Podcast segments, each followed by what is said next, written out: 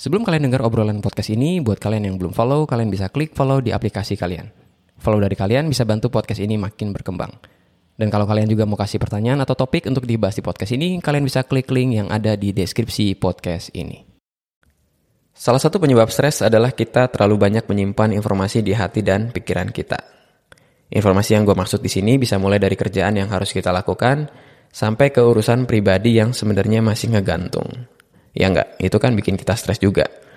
Jadi di episode podcast kali ini gue mau sharing tentang manfaat kita dalam mencatat dan nanti ada akan ada tips dan trik juga buat kalian semua. Jadi sebelum kita lanjutin denger podcast Pak Kris ini, kita denger dulu intro yang berikut.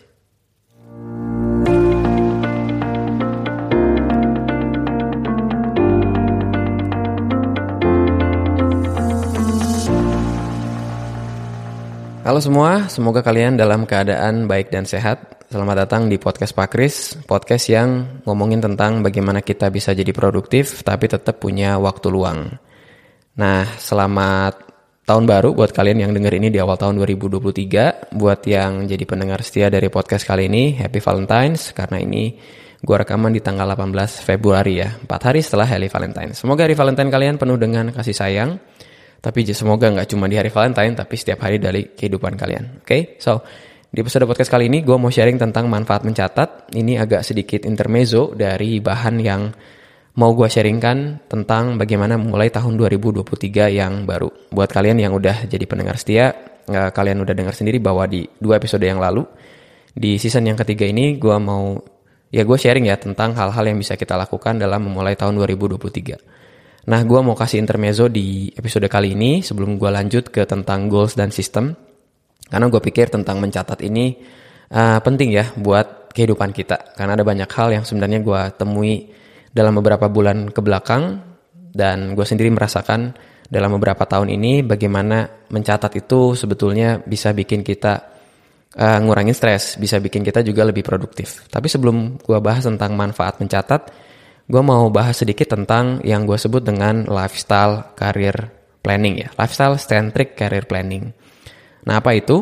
Gue mau cerita sedikit ada temen yang curhat um, tentang pilihan hidup dia ya, apakah dia mau ke korporat ataukah mau tetap ngajar jadi dosen.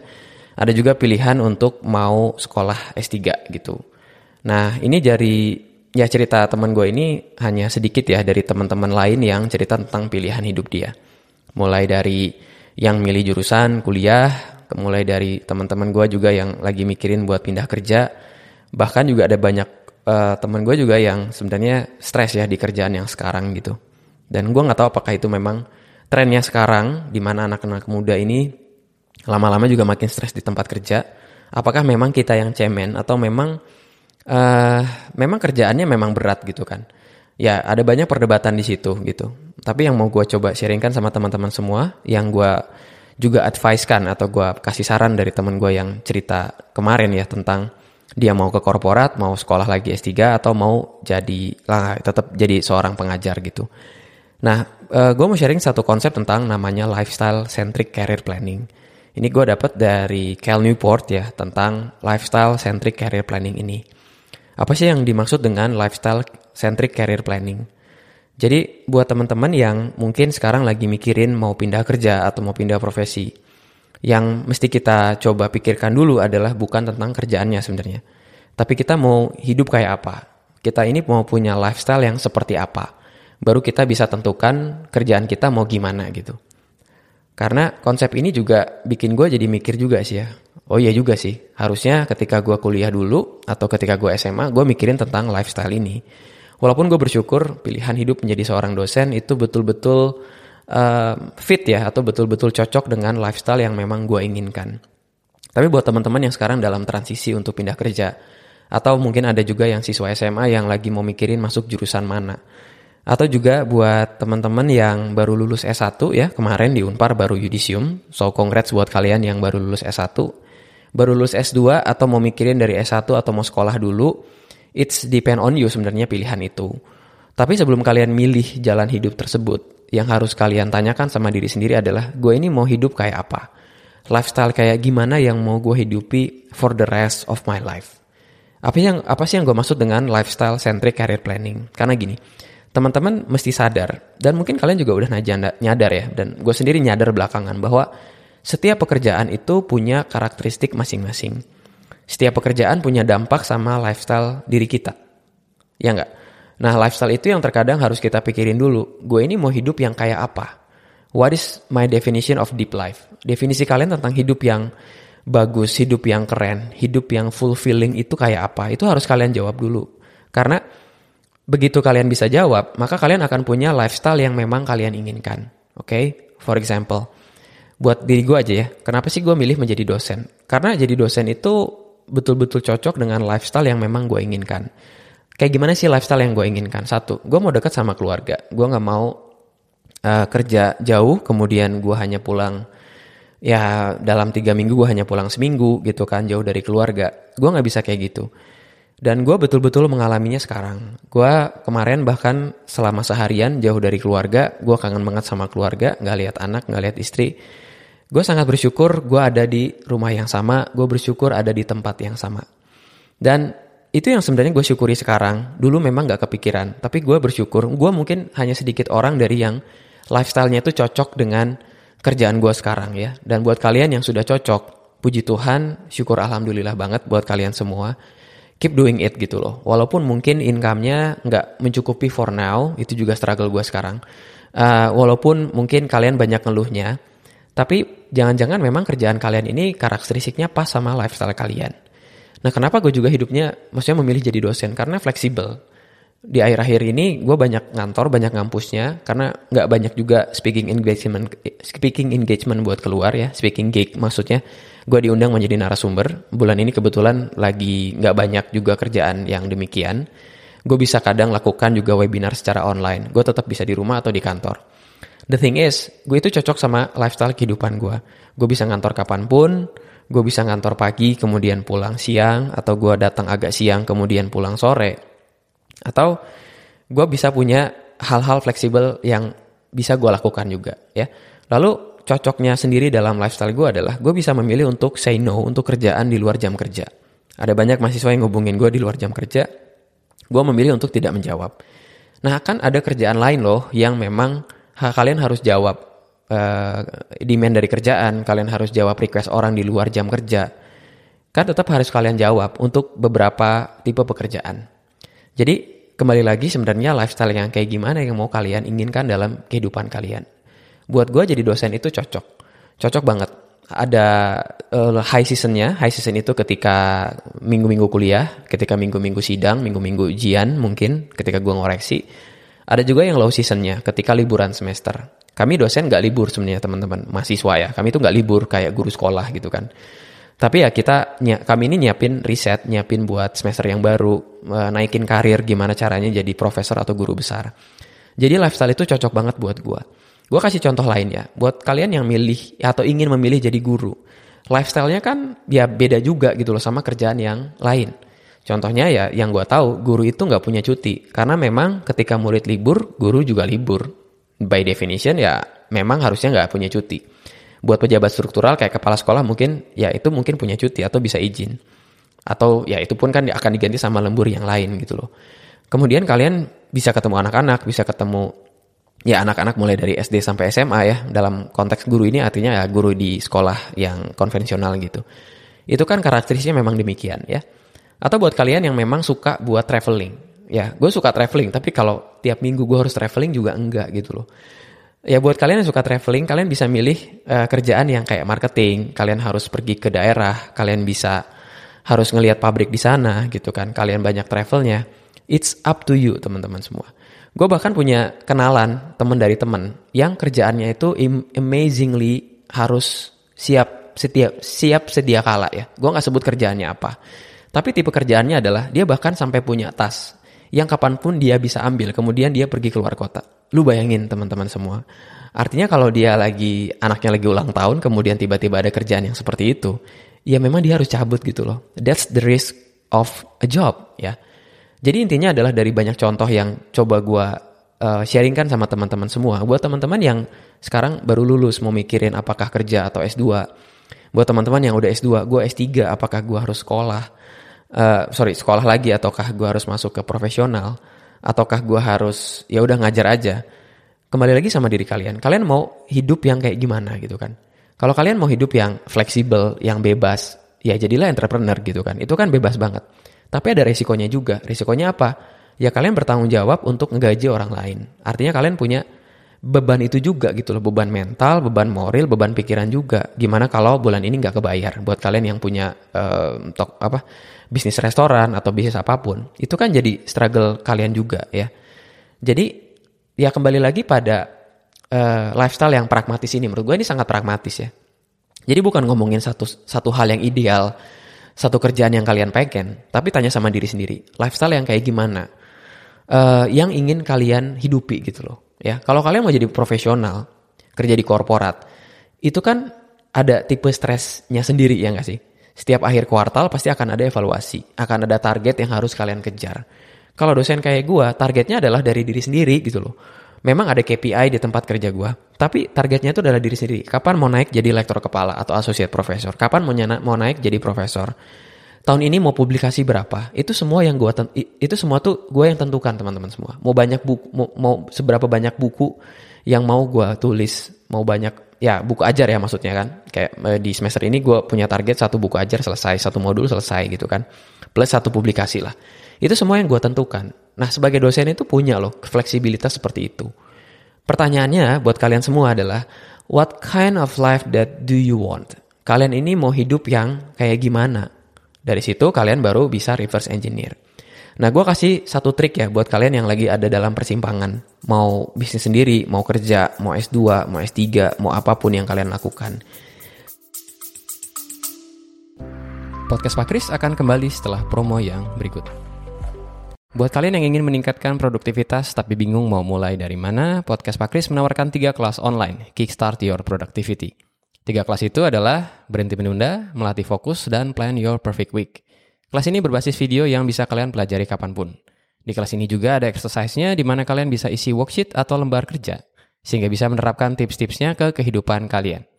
Nah, kalian bisa beli secara terpisah seharga 79.000 per kelas atau langsung beli bundling dengan harga 199.000. Untuk pendengar podcast ini secara khusus akan mendapatkan 20% diskon dengan memasukkan kode podcast Pakris. Untuk informasinya, kalian bisa klik link yang ada di deskripsi dari podcast ini. Sekarang kita lanjutin obrolan kita di podcast Pak Kris.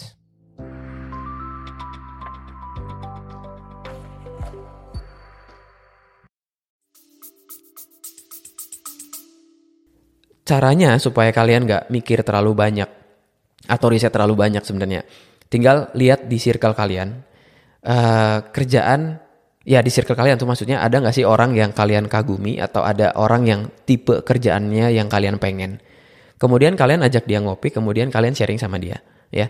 Itu yang banyak uh, teman-teman gue lakukan sama gue kayak di, mereka ngajak sharing kemudian mereka nanya eh hidup jadi dosen tuh enak gak sih?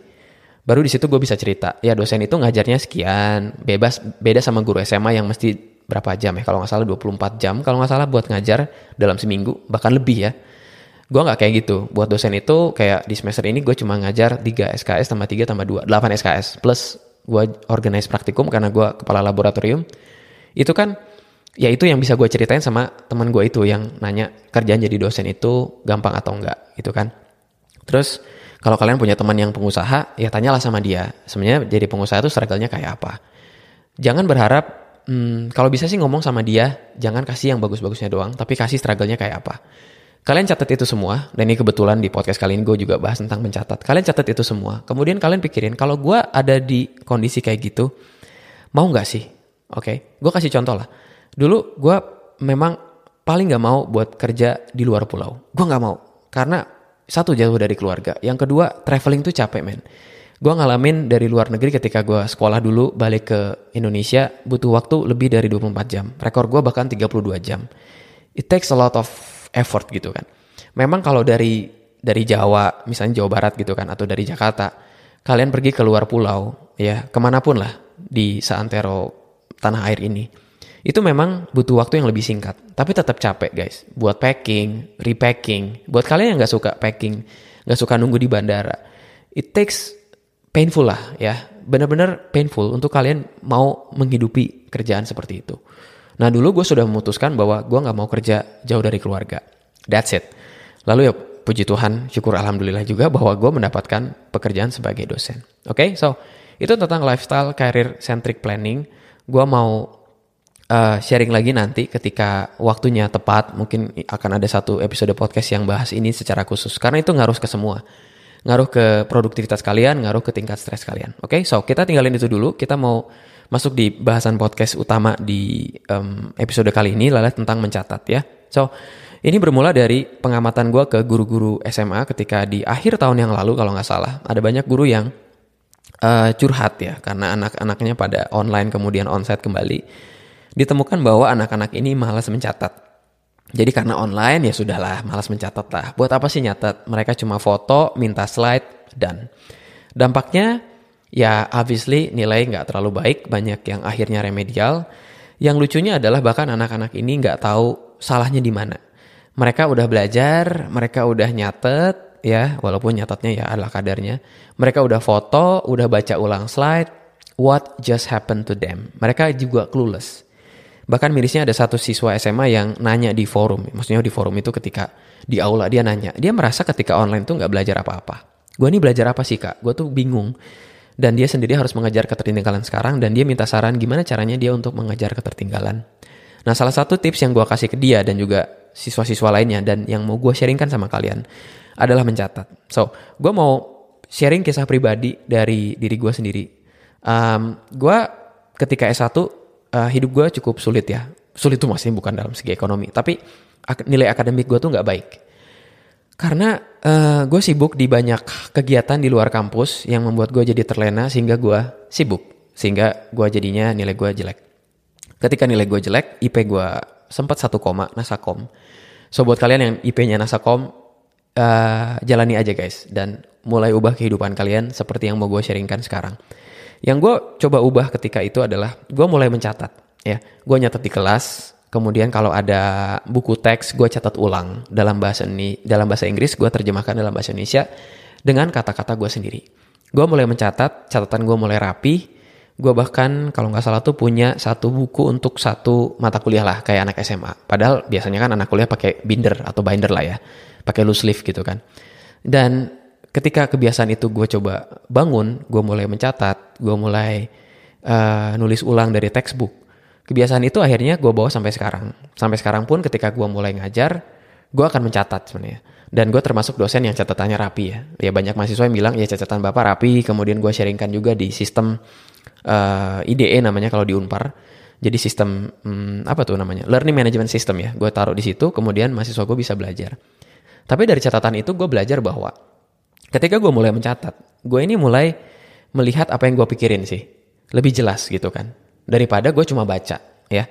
Jadi gue sebut mencatat ini cara belajar gue yang aktif ya. Kalau pasif tuh kayak gini, kalian baca sesuatu, bahkan kalian dengar podcast ini pun passively tanpa kalian nyatet, tanpa kalian uh, mencatat apa yang harus kalian coba telaah lebih lanjut atau hal-hal penting dari podcast ini atau dari bahan kuliah kalian atau ketika kalian seminar atau ketika kalian webinar. Itu kan banyak banget informasinya. Nah, yang gue maksud dengan belajar pasif adalah ketika kalian cuma baca doang, kemudian kalian nggak secara aktif mencatat atau coba kalian ngerjain soal-soalnya buat kalian yang kuliah ataupun sekolah. Jadi gue nggak heran kalau ada siswa yang memang curhat atau mahasiswa yang curhat bahwa dia merasa bahwa dia udah belajar. Dia merasa bahwa dia udah baca. Saya tuh udah baca pak mm, dari textbook mungkin atau dari bahan kuliah. Semua slide dia baca. Tapi kenapa nilainya tetap jelek dan dia bingung cara ngerjain soalnya gimana? Ya karena mungkin dia belajarnya nggak aktif dalam artian nggak mencatat plus nggak latihan soal tentang latihan soal dan problem solving ini gue akan bahas nanti di episode yang lain. Tapi kan di sini gue dedicated untuk mencatat ya. Jadi tentang mencatat itu adalah uh, penting banget buat kita semua. Oke, okay? so itu adalah tentang belajar aktif ya. Bagaimana kita mencatat, kemudian kita bisa belajar dengan aktif. Nah, struggle gue sekarang adalah dari banyak catatan yang gue buat, ada yang bentuknya tulisan tangan di iPad, ada yang bentuknya tulisan tangan ditulis pakai bolpen dan kertas, ada juga yang di laptop. Nah struggle gue sekarang gimana gue mengorganize itu. Nah sebenarnya di weekend ini gue mau coba organize semuanya sehingga gue nggak lupa catatan tersebut di mana. Ya kan? Salah satu sumber stres itu kan kita lupa nyatet kan. Kita lupa untuk mengingat sesuatu. Padahal otak kita ini adalah otak yang harusnya kita lakukan atau kita uh, gunakan untuk berpikir, bukan untuk menyimpan informasi tertentu. Temen gue atau dosen gue kalau nggak salah dia sempat bilang bahwa pakailah otakmu itu untuk berpikir, bukan untuk menyimpan sesuatu. Menyimpan sesuatu artinya kalian mencatat, ya kan? Pada saat kita mencatat, kita taruh buah pikiran kita itu dalam satu bentuk yang konkret, ya. Dalam bentuk apa? Ya dalam bentuk tulisan. Mau tulisannya ketikan, mau tulisannya tulisan tangan ataupun digital. It's up to you. Tentang sistem gue akan bahas di minggu depan tentang goals dan sistem. Tapi intinya adalah kalau kalian sekarang overthinking, kalau kalian sekarang lagi banyak pikiran, banyak kerjaan banget yang harus kalian lakukan. Coba kalian tulisin deh, ya. Ini yang baru gue lakukan di awal tahun ini gue ngerasa overwhelmed. It's way too much to do. Ya kuliah lah, ya side hustle gue lah, ya urusan banyak hal ketika gue pindah rumah banyak banget yang harus gue lakukan. Itu banyak banget yang buah pikiran atau pikiran yang berteberangan di hati dan pikiran gue. Kalian mungkin paham maksud gue kan? Ketika kalian kepikiran sesuatu, oh ini belum selesai, oh ini belum selesai, aduh ini kepikiran, aduh ini kepikiran. Ini yang harus gue lakukan. Tapi begitu kalian gak punya sistem untuk kalian tulis, itu makin overthinking teman-teman semua, makin overwhelm, ya kan? Kemarin gue sharing dengan beberapa anak muda, di, mereka ada yang sharing bahwa cara gue untuk bisa hmm, relief stress itu adalah dengan makan lah, dengan nonton, atau bahkan dengan pergi sama temen. Itu bagus in some cases. Tapi dalam banyak kasus, yang harus kalian lakukan, mungkin kalian mencatat lah. Kalau kalian yang sukanya ngomong, ya ngomong lah. Mungkin ngomong di cermin, ngomong sama boneka, atau ngomong sama teman kalian, kalian curhat, ya kan? Semua yang kita curahkan dalam bentuk tertulis, semua yang kita curahkan dalam bentuk kata-kata, itu kan keluar dari sistem kita, keluar dari hati dan pikiran kita. Pada saat itu, sebenarnya hidup kita sedikit jauh lebih ringan. Persoalannya nggak selesai, teman-teman. Ya, bukan berarti begitu gue mencatat persoalan selesai. Enggak.